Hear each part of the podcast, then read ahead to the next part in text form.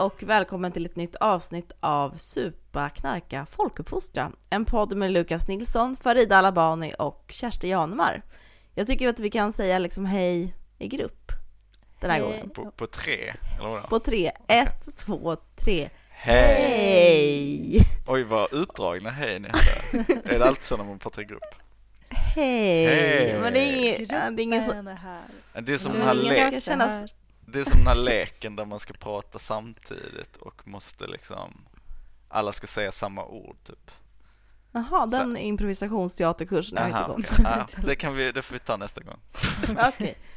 Men hur är läget med er annars då? Vi kanske måste ändå börja den här podden lite i moll på något sätt. Även fast vi oftast brukar ha ganska trevligt fast vi pratar om allvarliga frågor.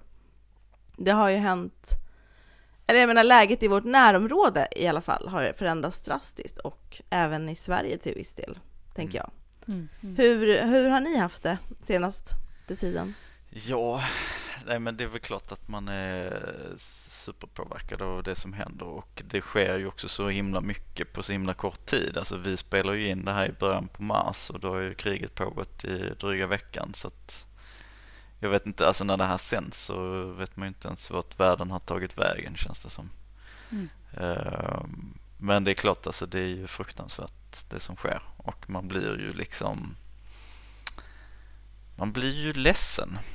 Men um, mm. man blir ju på något sätt också jag tycker att det är liksom det finns någonting um, fint i alla kriser också på något sätt. Att man också ser uh, i allt det här hemska som, som händer så ser man ju också liksom det finaste i, i mänskligheten när folk sluter upp för varandra och kämpar och inte ger sig och så liksom. Så att, um, men ja, nej, jag vet inte vad man ska säga egentligen. Det är ju liksom krig är bajs. Vad, vad mer ska man säga liksom? Nej.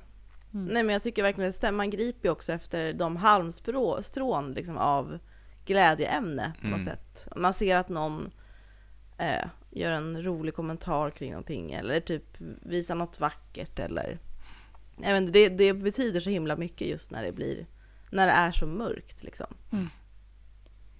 Eller vad tänker du Farida? Har, vill du tillägga någonting förutom att krig är bajs? Ja, precis. Nej, men det, det är väl eh, som också Lukas säger att det finns också någonting att här, samhörighet, att, um, att det finns en, kanske en ökad solidaritet också för uh, inte bara det som händer i närområdet utan globalt att förstå att så här, för 17 är det så här folk har det liksom och um, att vi är one people liksom, i slutändan är vi bara det.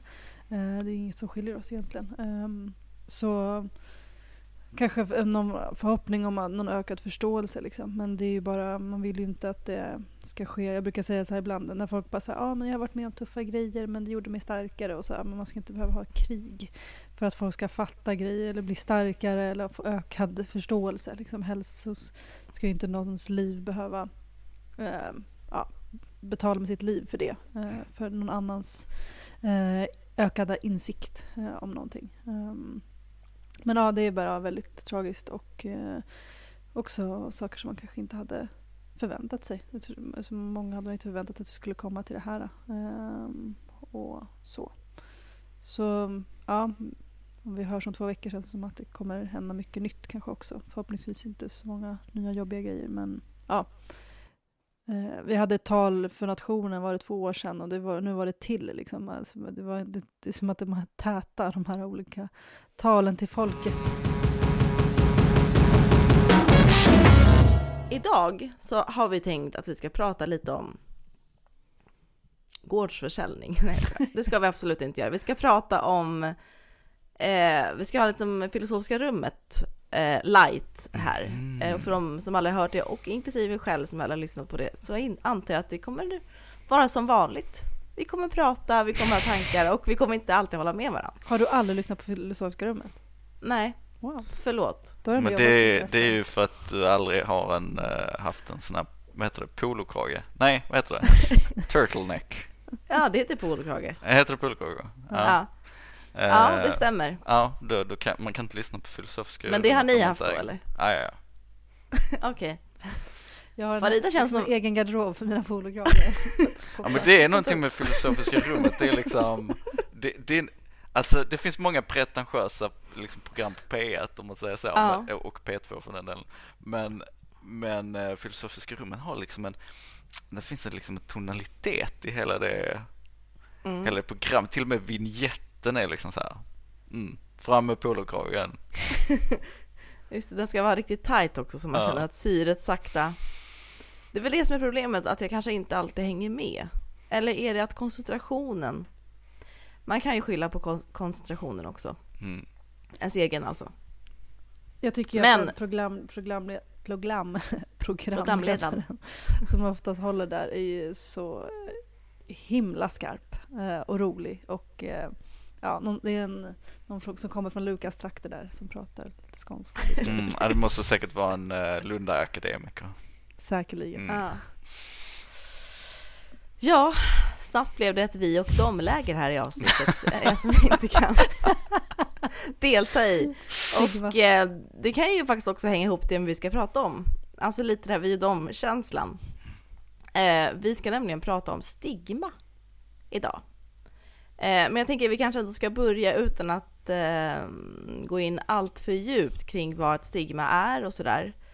Men jag tänker att rent så historiskt och lite brett kan man väl ändå säga att, alltså, att just stigma har varit ett ganska tråkigt inslag i historien. Alltså ett trist problem som också kanske har varit livsfarligt. Eller vad tänker ni? Man, det finns ju teorier. Jag tänker att jag ska ge bollen till dig Farida. Det finns, man brukar dela upp stigman i alla fall tre olika kategorier, eller hur? Ja, men det finns då en eh, social psykolog som heter Erving Goffman. Erving, nu börjar det. Eh, precis. Och han pratar om det utifrån bland annat utifrån tre, tre kategorier. Eh, ty, eller två, tre typer av stigma. Där det är, eh, finns ett kroppsligt stigma som eh, till exempel fysiska handikapp. Men ska vi eh. säga bara att stigma skulle kunna också säga att vara, alltså man ska väl översätta det till en annan sorts typ av lyssnare som mig själv så kan man väl säga att det är typ som fördomar eller förutfattade meningar eller eh, stereotyper, alltså alla de sakerna inbakat i ett ord, eller hur? Jo men precis, alltså en del skulle liksom, det, det, är både någonting som fungerar som ett straff mot en, mot en grupp människor eller en individ, att, att den ska, den, den ses på ett negativt sätt och att, att den eh, då om den beter sig på ett felaktigt eller ett icke önskvärt sätt eller ser ut på, eller tillhör en grupp så, så kan den bli bestraffad. Och eh, det är också ett sätt kanske att, att, eh, att varna andra liksom, om att, eh, att, att, den här personen tillhör det här. Liksom, håll dig undan. Typ. Ehm, så ja, det, det är någonting ja. som och som oftast nämns i de frågorna som vi jobbar med. Alltså om vi pratar mm. om alkohol, eller narkotika eller tobaksfrågor eller sådär så finns det ju det ordet med ganska mycket liksom, på hur man ser på olika eh, personer och beteenden bland annat. Men man kan se dem på tre olika sätt? Ja, precis. Eh, så då liksom Goffman då skiljer dem mellan eh, stigma som orsakas av, av, fysiska avvikelser, stigma som då är relaterat till karaktären som ja, men, mental ohälsa eller kriminalitet eh, och beroende. Och så finns det då stigma som är relaterat till kanske mer till religion, etnicitet, eh, klass eller kön. Eh, så det, det är olika sätt som det kan kategoriseras. Eh, och sen finns det också så olika processer då som hur det här stigmat eh, skapas. Liksom, precis, eller? och där mm. pratar man om, om fyra processer då där eh, först är liksom en stämpling av ett mänskliga skillnader, att, att bestämma att men det här eh, någon skillnad. Sen en, sker en, liksom en stereotypisering av de här skillnaderna. Och sen sker också en separering av ett, att det skapas ett vi och dem. Eh, mm. Eh, och Uh, och sen är det så att de som då stämplas som, uh, som de och förlorarna får ett uh, försämrat status och de blir behandlade sämre och diskrimineras. Um, lite så. Också vi har ju också tänker att vi har ju också ändå haft uh, ynnest, eller vad tycker ni? Det här kanske är, det här kan inte vara en liksom, fel tanke att man ändå levt i Sverige i en liksom stigma kan väl också handla, kan man ju säga, handla om normer, att vi har levt i liksom en normbrytande process där man, många stigman faktiskt har plockats fram och man ifrågasätter och man åker inte i finkan för att man ifrågasätter eller man har liksom inte, det finns ingen förföljelse för att man ifrågasätter på samma sak, sätt som det har funnits liksom i alla århundraden ofta, tänker jag. Eller Mm. hur? Alltså, om man bara tar en liten del som psykisk ohälsa till exempel, Mm. så har väl det varit en väldigt, även fortfarande såklart finns stigma kring hur ah, man pratar om folk vara galna eller någonting annat eller inte kapabla och sådär. Men Ja. det finns ju ändå en normalisering kring psykisk ohälsa som är mycket bredare än det har varit på liksom ett par år. Ja, absolut. Bara år. de senaste liksom, åren så och nu pratar vi kanske också mer inom, i, mellan, i vissa länder och så. Det är inte här inget Mm. globalt så att det, att det är mer accepterat i alla länder till en hög grad. Men i Sverige i alla fall så,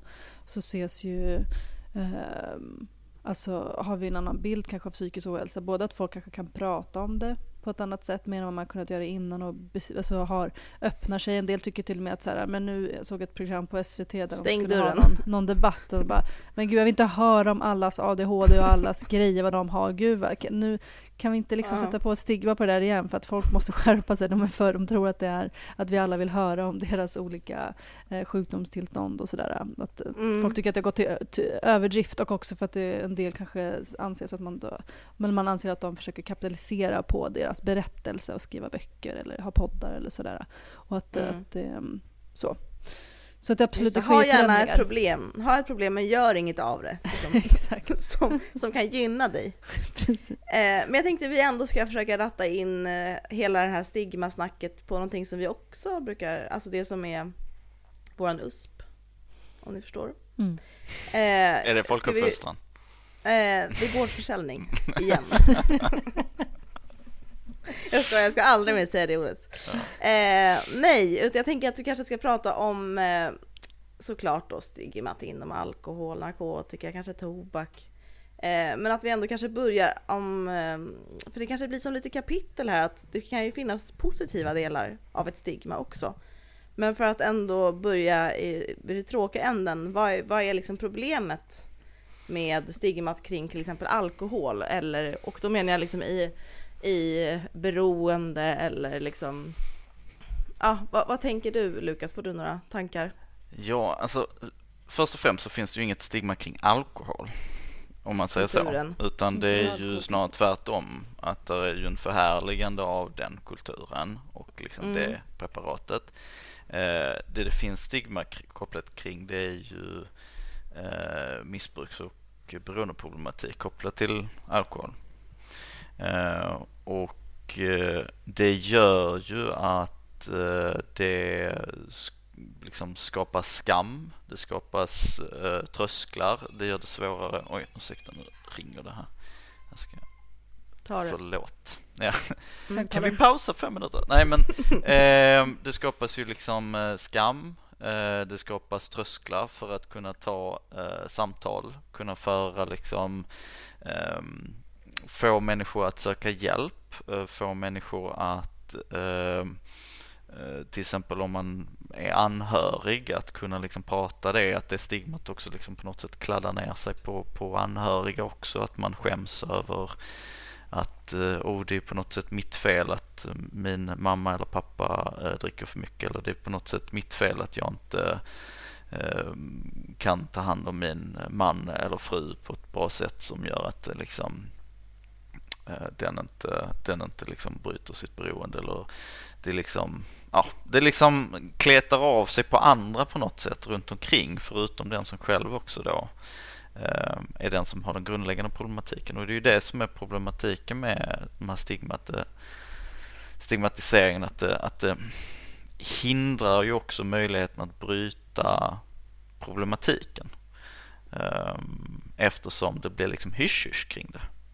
Men hur man pratar om just beroende eller själva, det, det därför kan det bli en intressant vinkel att ändå komma från ett nyktert håll där man ofta pratar om just liksom inte beroendet men frågan i sig och politiken i sig och kanske hur man ska möta upp det och så här hur man på något sätt kan, kan man vara en del av stigmatiseringen i det och vad finns det för problem i det?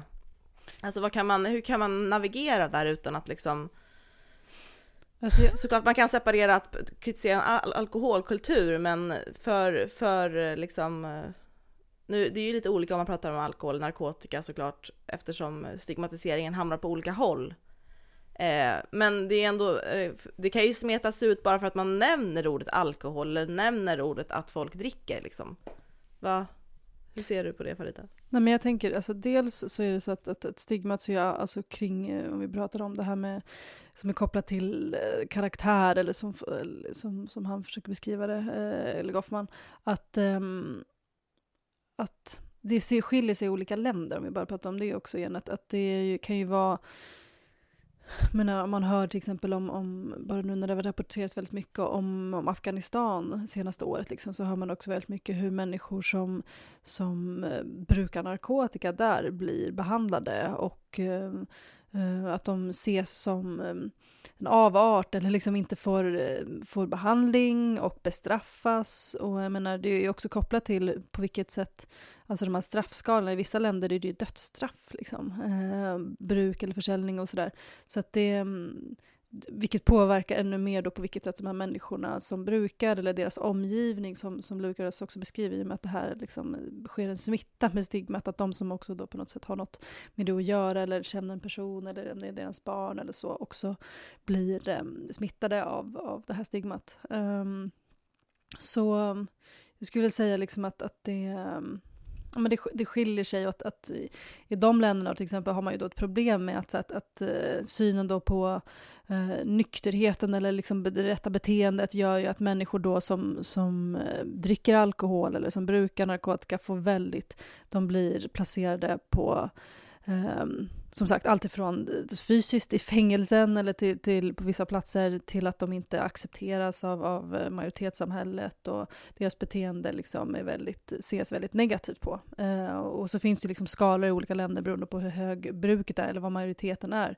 I Sverige där normen ändå är där många ändå eh, konsumerar till exempel alkohol eller där även eh, tobaksrökning samtidigt är vanligt men blir mindre vanligt. Där kanske också till exempel mer tobaksrökning hos vissa kan ses som eh, feströkman är okej, okay, men är man dagligrökare då är det lite sådär, ah, jaha, kan inte du kontrollera, har, har du något problem, varför kan inte du slä... Det där slutade vi med för, det där slutade mm. vi med för flera år sedan, var kommer du ifrån, varför håller du fortfarande på med den där?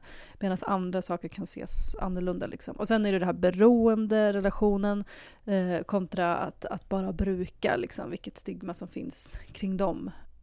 Eh, nej men jag tänker också, det intressanta är hur, hur liksom ett stigma skiljer sig och vad det lite säger om så här, hur man pratar om frågan eller hur man pratar om ett beroende eller ett bruk eller en industri eller en fråga överlag. Jag tänker om man i alkohol så, eh, ni får räcka upp handen om jag säger fel. så ska jag liksom överväga ifall ni får ordet. Men i alkohol så är det ju ändå beroendet som är stigmatiserat. Där finns det ju inget stigma kring att vara full på samma sätt, eller bara du är korrekt liksom promillefull eller Alltså jag tänker att berusningen, finns inget det finns inte ett stort stigma kring det. Så länge det inte är med barn och julafton kanske liksom hos vissa. Eller bilkörning kanske. Mm, ja. Men när det handlar om narkotika så kan det i vissa fall vara liksom själva bruket som jag tänker på om man ser det ett utzoomat läge så är det väl själva, själva bruket som är stigmatiserat eh, och, eh, alltså, och själva beroendet såklart. Mm. Eh, men också att det där kan skilja sig mellan olika typer av liksom, ekonomiska grupper i samhället, att det finns ju eh, också stora grupper i samhället med mycket pengar som också brukar i liksom inte så stor hemlighet som man tror, tänker jag. Alltså det är också kul att tänka på, kul kanske är fel ord, och intressant har jag Farida sagt att man inte får säga. Utan man ska säga... Det är många miner här, intressant, gårdsförsäljning. Men intressant får man inte säga för det är ett dött uttryck. Och kul kanske också. Nej men jag blir, eh, vad brukar jag säga då? Spännande. Eh, nej men det spännande är ju nya intressant tycker jag. Mm -hmm.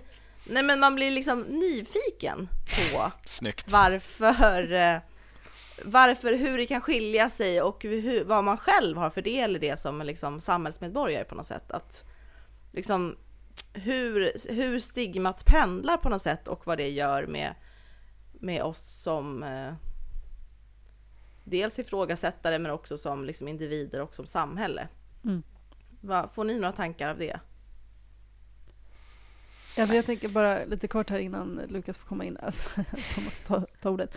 Nej men um, att, så till exempel vi pratar om narkotika så finns det kanske också ett, en, en önskad stigmatisering. Att så man vill, alltså också med lagstiftning och så, liksom att det, det, också ska, Alltså att lagen i sig ska hindra folk från att vilja bruka och så. Och att, att det inte ska ses som ett, ett, ett önskvärt beteende. Liksom.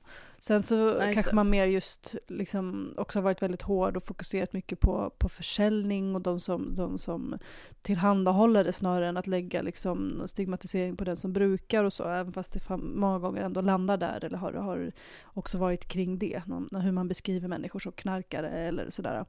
Um, samtidigt finns det ju också nu liksom ett fokus kring att, som du beskriver, de här mer bemedlade människorna, där det finns en önskan politiskt från olika håll där man hör att, att man också vill stigmatisera deras beteende. Ge på och, dem liksom. Precis, och att, det, alltså, mm. att de är brukare då, men att, att det, uh, man ser på dem annorlunda och att det, de är kanske att man på något sätt sparkar uppåt och tycker att det är mer okej att så här, äh, fan skärp er, det där är inte okej, det ni gör är med och finansierar eh, eh, gängvåld och liksom olika saker och det där måste ni skärpa er och sluta er med. Liksom.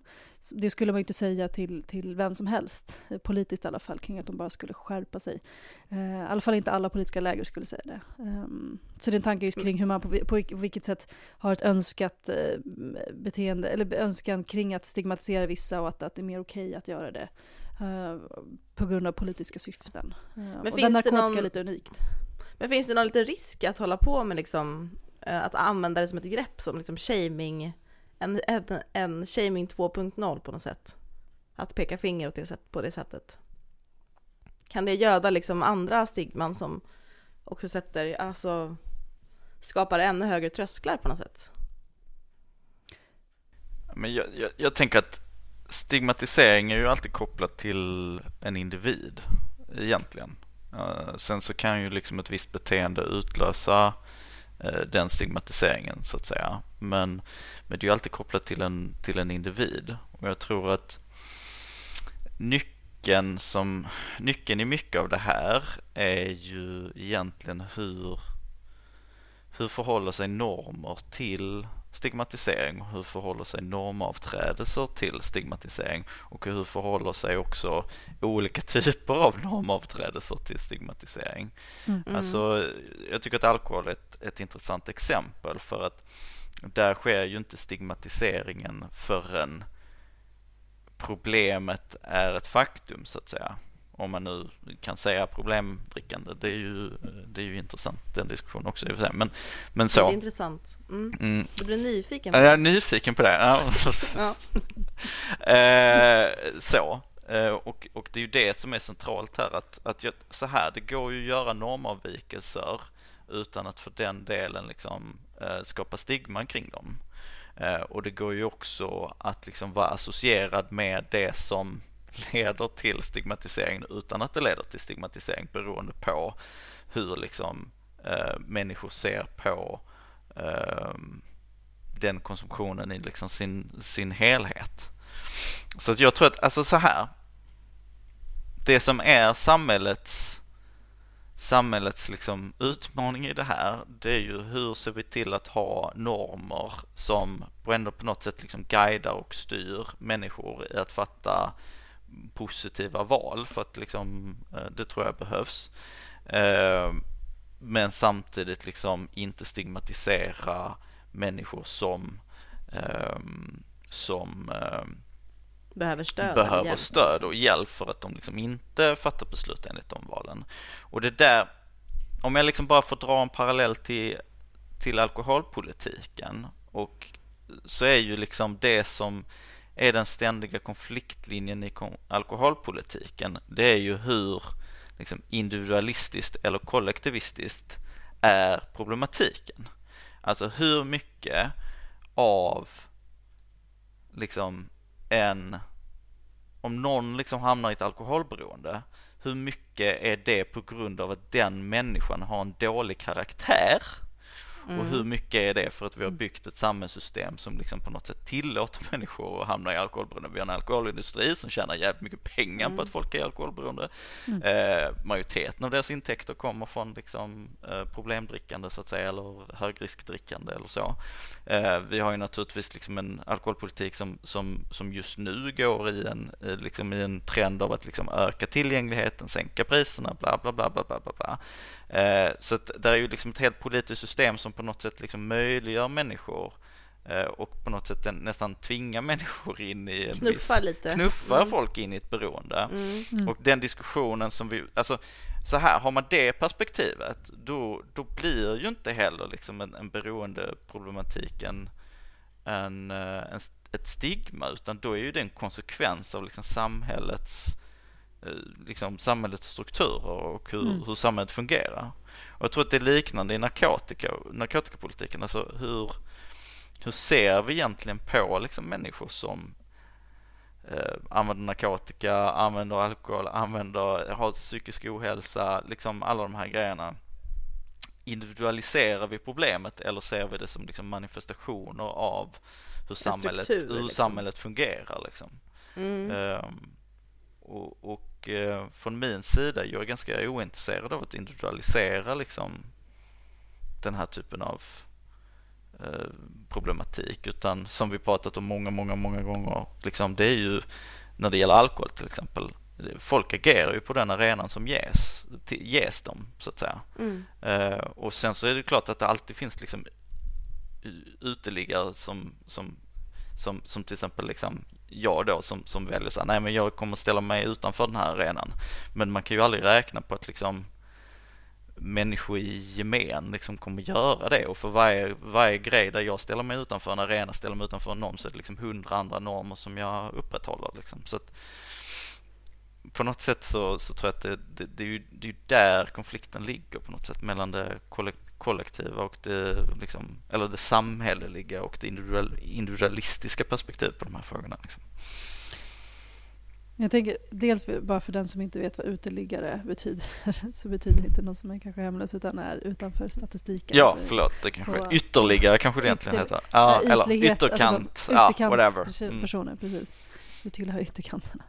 Eh, men en, en sak jag tycker är intressant, är bara två tankar som kom upp här. Alltså dels tycker jag att, att Ehm, för en del skulle ju inte heller se sig själva som ett problem, eller att det här är ett problem. Att, att, så att vi som nykterhetsrörelse är med och gör det här till, till ett problem. Liksom att man har kontroll på sitt, alltifrån alltså alkoholkonsumtion till, till narkotikabruk. Att så här, det här är någonting jag vill göra, det här är min livsstil, det här är någonting som jag uppskattar. Sätt inte in mig i något fack där jag ska liksom stigmatiseras eller ses som ett problem eller att jag har ett problem, jag har inte det, det här är någonting jag eh, önskar att hålla på med och du ska bara sluta lägga dig i min frihet till att vilja hålla på med det. Liksom. Och så kanske det finns andra skalor personer där då som ser sig själva som att, så här, att de eh, har ett beroende och behöver hjälp och har liksom länge kämpat med det och att det finns andra kopplingar. Liksom. Men ehm, så alla kanske inte skulle hålla med om, om den bilden av vad som är ett problem eller inte. Liksom. Sen tänker jag också på det här med, ehm, som du också nämner lite där Lukas, jag tänker, jag var med på en så här kommunikationsworkshop. Jag vet inte om vi har nämnt den innan, kanske vid något tillfälle. Men där pratar man ju också om att eh, om man till exempel ska kommunicera ut till föräldrar kring deras eh, drickande i relation till barnen eh, eh och att hur, hur man ska ge, göra föräldrar mer ansvariga eller att eh, tänka till kring sin egen konsumtion så är det inte genom att, att då um, blamea dem, att så här, du som förälder måste, liksom, att man kanske inte helt ska adressera föräldrarna specifikt, utan hellre adressera liksom, industrin eller liksom, det andra problemet. Att så här, eh, har man det personfokuserade liksom, eh, budskapet av att det är ni som måste ändra er eller så, så är det liksom mycket svårare också rent kommunikativt att ändra människors beteende snarare än att lägga det på industrin som också är det stora, den stora faktorn i det hela liksom, och som många gånger påverkar beteendet. Eh, eh, än att lägga ja, skulden där den egentligen inte bör vara. Alltså till exempel på föräldrar som inte alltid eh, vet bäst eller vad man ska säga och som också lever i samhället där man påverkas. Många när vi pratar om, om stigmatisering och också speciellt kopplat till narkotikapolitik så är ju många svar att så här, ja, men vi, vi, gör, vi avkriminaliserar eller vi gör det helt lagligt, då försvinner stigmat. Liksom. Och det Mm. vet du som sagt i relation till ja, men alkohol, att där är det lagligt att bruka och konsumera. Eh, men ehm, många som fortfarande känner ett väldigt starkt stigma kring att, att, att få söka hjälp. Det är många som inte söker hjälp som, som skulle eller borde göra det för att, de, för att det finns mycket skam och, och känsla av, av, av stigmatisering ifall man då skulle söka hjälp och, och vad det skulle kunna innebära. Så att lösningen, det är en av, det är en av, en av många eh, förklaringar till att kriminalisering eller avkriminalisering eh, eller legalisering inte är, är lösningen för, mot stigma. Liksom. Men det, ja, det, det används i alla fall många gånger som ett eh, eh, argument. Förslag och ett argument. Och jag tycker att det som oftast tappas bort i den diskussionen också så här, det, det är naturligtvis, alltså jag tror att alla vi som sitter där i rummet ser naturligtvis problematiken med stigmatiseringen både inom alkohol och inom narkotika. Men det som oftast missas i diskussionen om kriminaliseringen som ett sätt att liksom säga, åh, nej men vi, om vi avkriminaliserar då avstigmatiseras, avstigmatiseras, vilket jag inte riktigt tror på eftersom, som Farida var inne på, eh, alkohol är ju definitivt stigmatiserat. Um, men också det här att då skulle man också tappa troligtvis ett antal av samhällsverktygen som ger en möjlighet att faktiskt plocka upp människor och få dem in i vård. Eh, alltså jag har inte, så här, det här är outforskad territorium. Jag har inte sett några studier på det här, jag har inte sett någon data på det här. Det hade varit spännande om det är någon som lyssnar på det här som har tillgång till data på det här så får ni gärna skicka över det liksom, eller någon studie eller sådär. Men jag skulle ju tro att det är långt fler andelen av de som har ett narkotikaberoende eh, eller narkotikamissbruk som är i vård är ju troligtvis väldigt mycket högre än andelen av de som har ett alkoholmissbruk som är i vård. Mm. Eh, för att samhället ges liksom vissa verktyg att snappa upp. Jag skulle gissa, återigen har ingen studie på det här, men rent mm. anekdotiskt skulle jag gissa att det är väldigt mycket lättare att få ett eh, LVM, alltså lagen om vård av eh, missbrukare, om, gällande om man har ett narkotikamissbruk än om man har ett alkoholmissbruk. Det är väldigt mycket lättare att få, säkert få anhörigstöd. Alltså det är ju ett antal olika Eh, alltså om man som ung till exempel eh, eh, börjar, bruka narkotika så, så liksom responderar socialtjänsterna mycket snabbare än, än liksom vid en liksom problematisk alkoholkonsumtion och så vidare. Så det finns ett antal verktyg kopplade till, kanske inte direkt, mer eller mindre mm. direkt kopplade till kriminaliseringen som, som faktiskt liksom gör att människor snappas upp och samhället responderar på ett helt annat sätt. Sen är det självklart att ibland är responsen inte den bästa, ibland hade den kunnat bli bättre, den hade kunnat bli snabbare, mer effektivt, den hade kunnat bli mer fokuserad på vård och mindre fokuserad på straff och så vidare och så vidare och så vidare. Mm. Men, men, men men strukturen för men liksom. strukturen, liksom. alltså så här, mm. det finns ändå vissa positiva effekter skulle jag säga av kriminalisering på att faktiskt få människor in i samhällssystemen. Liksom. Vi började avsnittet med filosofiska rummet. Ska vi avsluta med språket då i P1? Mm. Jag är taggad på att du Kerstin ska köra en etymologisk historia av ordet stigma. Var det kommer ifrån, nej, hur det nej, påverkas, dess tyska nej. rötter. Så det kräver från... jag väl läsa. Bara läs på ehm, Wikipedia så här. Det var på medeltiden mm. som eh, år noll skapades. Nej, eh, språket P1 tar vid här. Vi pratar om hur man kanske benämner olika saker. Det finns ju också, det känns, jag vet inte varför Farida, du känns som en sån person som gillar språkliga förändringar. Alltså så här lite, du går igång på det. Är, är, har jag fel? Eh, men du kan, kul att du identifierar mig som en sån person. jag, eh, Nej men, ja men det kommer ja. ju, ja språket förändras ju och eh, nej, men, det du kanske vill säga med det här är också att så här, vad har språket för roll med stigma? Alltså hur kan vi, om vi nu också på många sätt vill motverka stigma, vilket jag tror att vi, vi vill i det här rummet, um, så um, så är ju språket en viktig del av det. Som jag, vi nämnde, liksom att en del benämner ju, om vi pratar om till exempel narkotikapolitik så säger liksom en del så här, men de här knarkarna och de här missbrukarna och eh, det finns liksom mycket där att, att eh, att förändra och så. Sen så har ju det ändå genom åren förändrats ganska mycket. Jag har fått en ökad medvetenhet kring att vi kan inte säga hur som helst och eh, vi kan inte bara kalla någon för narkoman och att, att ord som också oftast kopplas till identitet, att så här, men du är en alkoholist du är narkoman, det här är du, det här är en del av din person. Eh, Identitet. Liksom. Precis, och hur kan vi mm. på olika andra sätt eh, ta bort det? så att inte den liksom, eh, att det, det, är någonting som man själv då inte kan förändra eller som, vi som samhället inte kan förändra och att, att genom hur vi kallar det, liksom, där man kanske mer gått från att gå kalla folk för missbrukare till att prata om bruk eller beroende eller um, sådär och att man kanske inte kallade folk för narkomaner på samma sätt som man gjort innan eller alkoholister och sådär. Um, och att vi också pratar mer inom, in, utifrån ett sjukdomsbegrepp och, och sådana saker och, och vad, vad, vi kan göra för att stötta och um, och också att det är, en del pratar om riskbeteende, att det här är ett, liksom ett riskbruk och så tycker en del att det finns problematik i det för då kanske man menar då att det finns eh, nivåer av bruk då som inte är riskfyllda. Vad kan det ge för signaler om man då inte om man, ja, kallar det för det? Um, så det, jag tror språket är en, viktig del av att uh, vara med och påverka det här. Både liksom professionellt av de som jobbar med det här professionellt men också de som, alltså det övriga samhället, på vilket sätt vi, vi, vi pratar om, om de här frågorna för att vara med och uh, Ja, det är som utvecklingen hur, i hur man har pratat om frågor som rör genus eller hbtq-personers rättigheter och, och att, att, där har det också skett förändringar. Um, vad tänker du där? Mm. Nej, men det är klart att det ligger extremt mycket makt i, i språket och jag tycker att ett sånt tydligt exempel är ju att folk inte vet skillnad på avkriminalisering och legalisering generellt sett.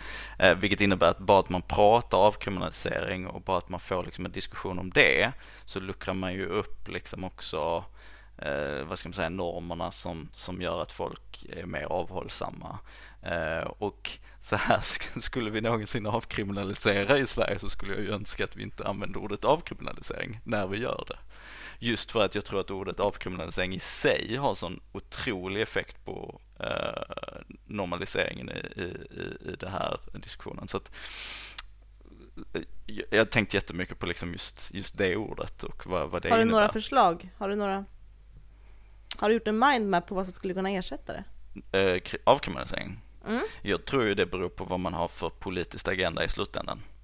Alltså jag tror ju att man skulle kunna göra, dels så tror jag att man skulle kunna göra ganska stora förändringar trots att ha det kriminaliserat, där man går från fokus från, där man differentierar påföljderna, bla bla bla. Det där är en helt annan diskussion som vi inte hinner gå in på nu. Mm. Men skulle man ändå så här besluta att nej men okej, vi, vi väljer att gå från liksom en, ett, att, att göra det juridiskt, liksom i det juridiska systemet till att helt ta bort det juridiska systemet. Då tror jag mm. att man skulle kunna liksom Eh, paketera det på ett annat sätt än, än att prata om avkriminalisering. Men har man den politiska agendan att normalisera allt narkotikabruk och Exakt, att på ja. sikt liksom mm. legalisera narkotika, då är det ju självklart att avkriminalisering är, som begrepp är ett positivt ord i den strävan. Liksom. Mm. Men vart strävar vi? I denna tid? Mot vet fred, jag tror vi strävar efter fred, rättvisa och att uh, människor Kärlek. inte ska ha det bra. Människor inte ska ha det dåligt. Nu sa jag människor inte ska ha det bra. alla vi bara yes, Osolidariskt samhälle där alla, every man for himself. Typiskt ja, nykterist som vill att ingen ska ha det bra. Exakt. Ingen ska ha det kul, ingen ska ha det bra. Där kom det fram Lukas, där kom ja, det fram. Freudiansk felsägning. Men eh, vi har nått eh, fram till den punkten i detta program som handlar om veckans bubblare. Och eh, ska jag börja? Ja! En sak som jag har faktiskt, det är, inte, det är inget nytt för mig men kanske nytt för er, är att jag stör mig. Jag tycker på att fler borde prata om att man, när skedde förändringar i nyhetssändningar, att också analys ska vara direkt på ett problem. Alltså, eller va, va, när, varför finns det ingen diskussion om att är det rätt väg att gå? Jag vet att det är, jag tror att det är en väldigt så amerikansk grej att man mm. har nyhet Mats Knutsson, nyhet Mats Knutsson, nyhet Mats Knutsson. Alltså så här, men inte det helt sjukt? Förut var det så här, nyhet, tänk själv, nyhet, tänk själv och sen så på slutet eller i ett annat program så bara Mats Knutsson, eh, vad tyckte du om Magdalena Anderssons insats? Så här, men nu ska man på en gång, efter man har hört Magdalena Andersson, få information från Mats Knutsson vad, hur, hur det här gick, enligt honom. Tycker inte ni att det är liksom, var, varför pratar ingen om det? Nej, det är fan, alltså jag hatar det och det har ju varit en trend ganska länge. Ja men mm. det, det, är ingen nyhet, men det kanske inte, det har, det har inte pågått i tio år tror jag. Men det är ju också, alltså det spär ju också på politikerföraktet för att var typ, alltså jag tittar inte så mycket på TV men jag lyssnar mycket på radio och då är det ju Thomas Ramberg och vad heter den andra? Ja, de, Mats, ja. Ja, han heter säkert också Mats Knutsson. Nej men, Nej, Nej, men det är Thomas Ramberg och någon till som alltid mm. får kommentera. Och eh, det är ju liksom, analysen är ju alltid så här, ja ah, då gör de det här på grund av väljarmaximering och opinionen är så här och eh, det är en positionering i den här frågan för att uh, kunna lyckas med den här frågan istället, bla bla bla bla. Och man bara säger typ, ja, vad säger det? Alltså vad, vad är det för liksom, om det är så om det redan är... Ja. Eh, dels är jag inte ens säker på att det är så politiker agerar. Ibland gör de säkert det för att de måste liksom.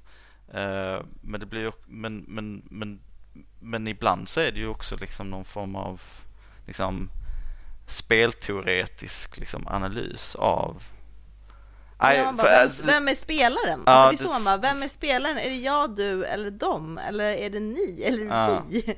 Nej, men bara och jag undrar, här, vem hur... utbildar dem också? Så att hur de, alltså är de, det här deras situation också, om de ska vara, vilken position ska de inta? Alltså rent politiskt också. Neutral. Sådär. Ja, alltså hur, vad är det neutrala liksom? Och, som Men sagt, alltså jag vill bara säga, jag gillar analys. Jag tycker det är jättekul med analys. Ja. Och jag gillar också, vad heter han, Ramberg och vad heter han? Vad heter han? Det är Fredrik, Fredrik, Fredrik, Fredrik Furtenbach och Thomas ja. Ramberg. Ja. Helt, jag tycker de är jättebra och jättebra roliga analyser och så här. Men, men behöver de komma in på en gång? Det verkar också en helt orimlig arbetssituation. Kan de inte hinna få tänka efter först? Bara så här, vem klarade sig bäst? Bara, jag tycker att eh, jag tycker inte Annie Lööf klarade sig så bra, bara, men det kan väl inte du avgöra, det avgör väl jag. Liksom. Ja, så ska det alltid vara så typ så här, kvällens vinnare, det tycker jag är ganska nytt ändå. Att, så här, att man ska alltid mm. så här, mm. ratea, den här liksom, partiledaren gjorde bäst ifrån sig och så. Det, det ja. påverkar ju också hela, det blir väldigt... Men det, det är ja. idolsamhället alltså. Det är ja, så här, man kan inte exakt. heller, man kanske kan höra att någon är dålig, men man kanske inte höra vi kan inte enas allihop om att den här personen är bra. Det hjälper inte för mig att ha en jury. Avskaffa juryn i Idol. Okej, men, Lukas. Eh, ja, men jag måste bara säga, det var ju någon valrörelse som, som SVT i sina sådana här debatter efteråt hade genuint tagit in någon så här från SVT Sport som skulle kommentera Aha. det.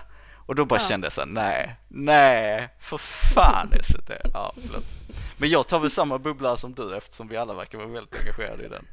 Ja, okay. Nej men... Eh, Farida! men min, min bubblare är... Eh, jag tycker det borde bubbla mer om grannar.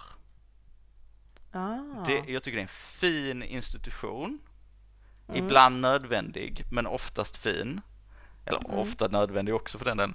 eh, man kan oftast inte välja bort sina grannar. Men så här, eh, fin institution som det trackas lite för mycket på och folk inte mm. uppskattar potentialen i. Mm. Så här, det är någonting väldigt fint med grannar. Man har ingenting gemensamt med dem förutom att man bor på samma ställe. Man Oftast, lever sina liv. Man lever sina liv. Oftast är de lite konstiga. Eh, och som sagt, man har ingenting gemensamt med dem. Men man kan ändå liksom, om man, med lite ansträngning så kan man ändå hitta varandra mm. i det där. Och jag tycker det är fint. Mm. Jag tycker det är fint. Jag tycker det är liksom, folk behöver liksom mer exponering mot människor som Grannar. de inte har någonting gemensamt med. Ja, jag håller med. Men det är inte jobbigt också, apropå att grannar ofta är konstiga, att även du är en granne? Ja, jag är ju säkert skitkonstig i mitt trappuppgång ja. alltså. Men det är lite som, det är, alltså jag tycker grannar kan vara stämningen som man ibland såg sin dagisfröken på Konsum, att man bara något är fel, fast du är normal, typ, förstår ni? Mm. är du arg på mig? Vad har jag gjort, fast jag inte gjort något fel? Mm. Min granne kan... skrek i veckan, i veckan till mig när jag hade på mig min svarta basker. Hon bara persisk kommunist. Äh, skrek hon. Över gården. Men det är en jättefin plattform för dig. Ja. Bara, spännande, vad, vad menar du? Hon bara, det är väl ditt nya Twitter-handle Kommunist. Faktiskt tagit bort Twitter. Eh, men eh, ja, hon mår inte så bra tror jag. Men det, det, det grannar verkligen värme. Men då behöver hon ju dig och ja. din kommunistiska omtanke. Ni kanske kan gå och basketshoppa någon gång i framtiden? Hon ville ja. också ha en basker. Hon ja. kände sig lite ensam kanske. Du har ju fler. Jag har ju två. Men, ja. ja. men Farida, vad, vad har du för bubbla någonting? Eller bubblar det för lite av någonting enligt dig?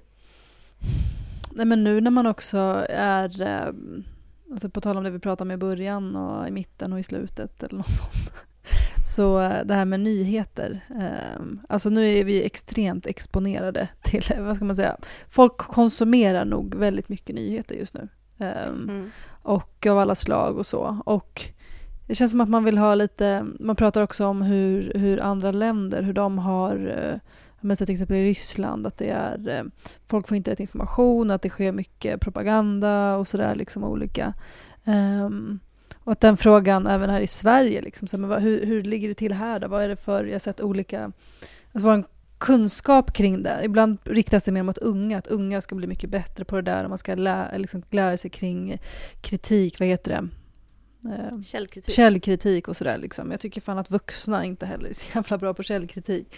Eh, och att, att det ja, prata mer om källkritik, speciellt i dessa tider tycker jag vi, vi behöver göra och veta vad, um, ja men det här när folk sprid, delar saker, tänka till en extra gång, vad är det faktiskt, vem är det som skriver det här, vad är det för agenda, är det en, tid, eh, liksom en känd tidning eller vad, vad, ja, vem är avsändaren? Det är mycket som jag bara liksom senaste dagarna sett saker spridas som känns ja, bara liksom i veckan har vi också har sett bilder från andra krig som sägs att det var i Ukraina och olika mm ja, att det, det, är läskigt när, när den här uh, när det är uh, som viktigast att få rätt information så är det oftast när den falska informationen sprids som mest.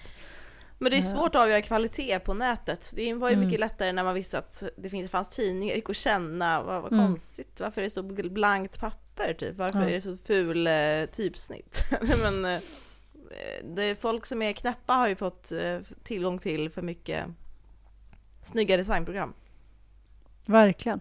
Och de har fått pengar problem. för att göra sina egna liksom, tidningar ja. och egna sådär, hitta sin egen bubbla kring det. Och det du vill det är krossa den ny, bubblan? Det är ingen ny bubbla, är, som bubblare det här.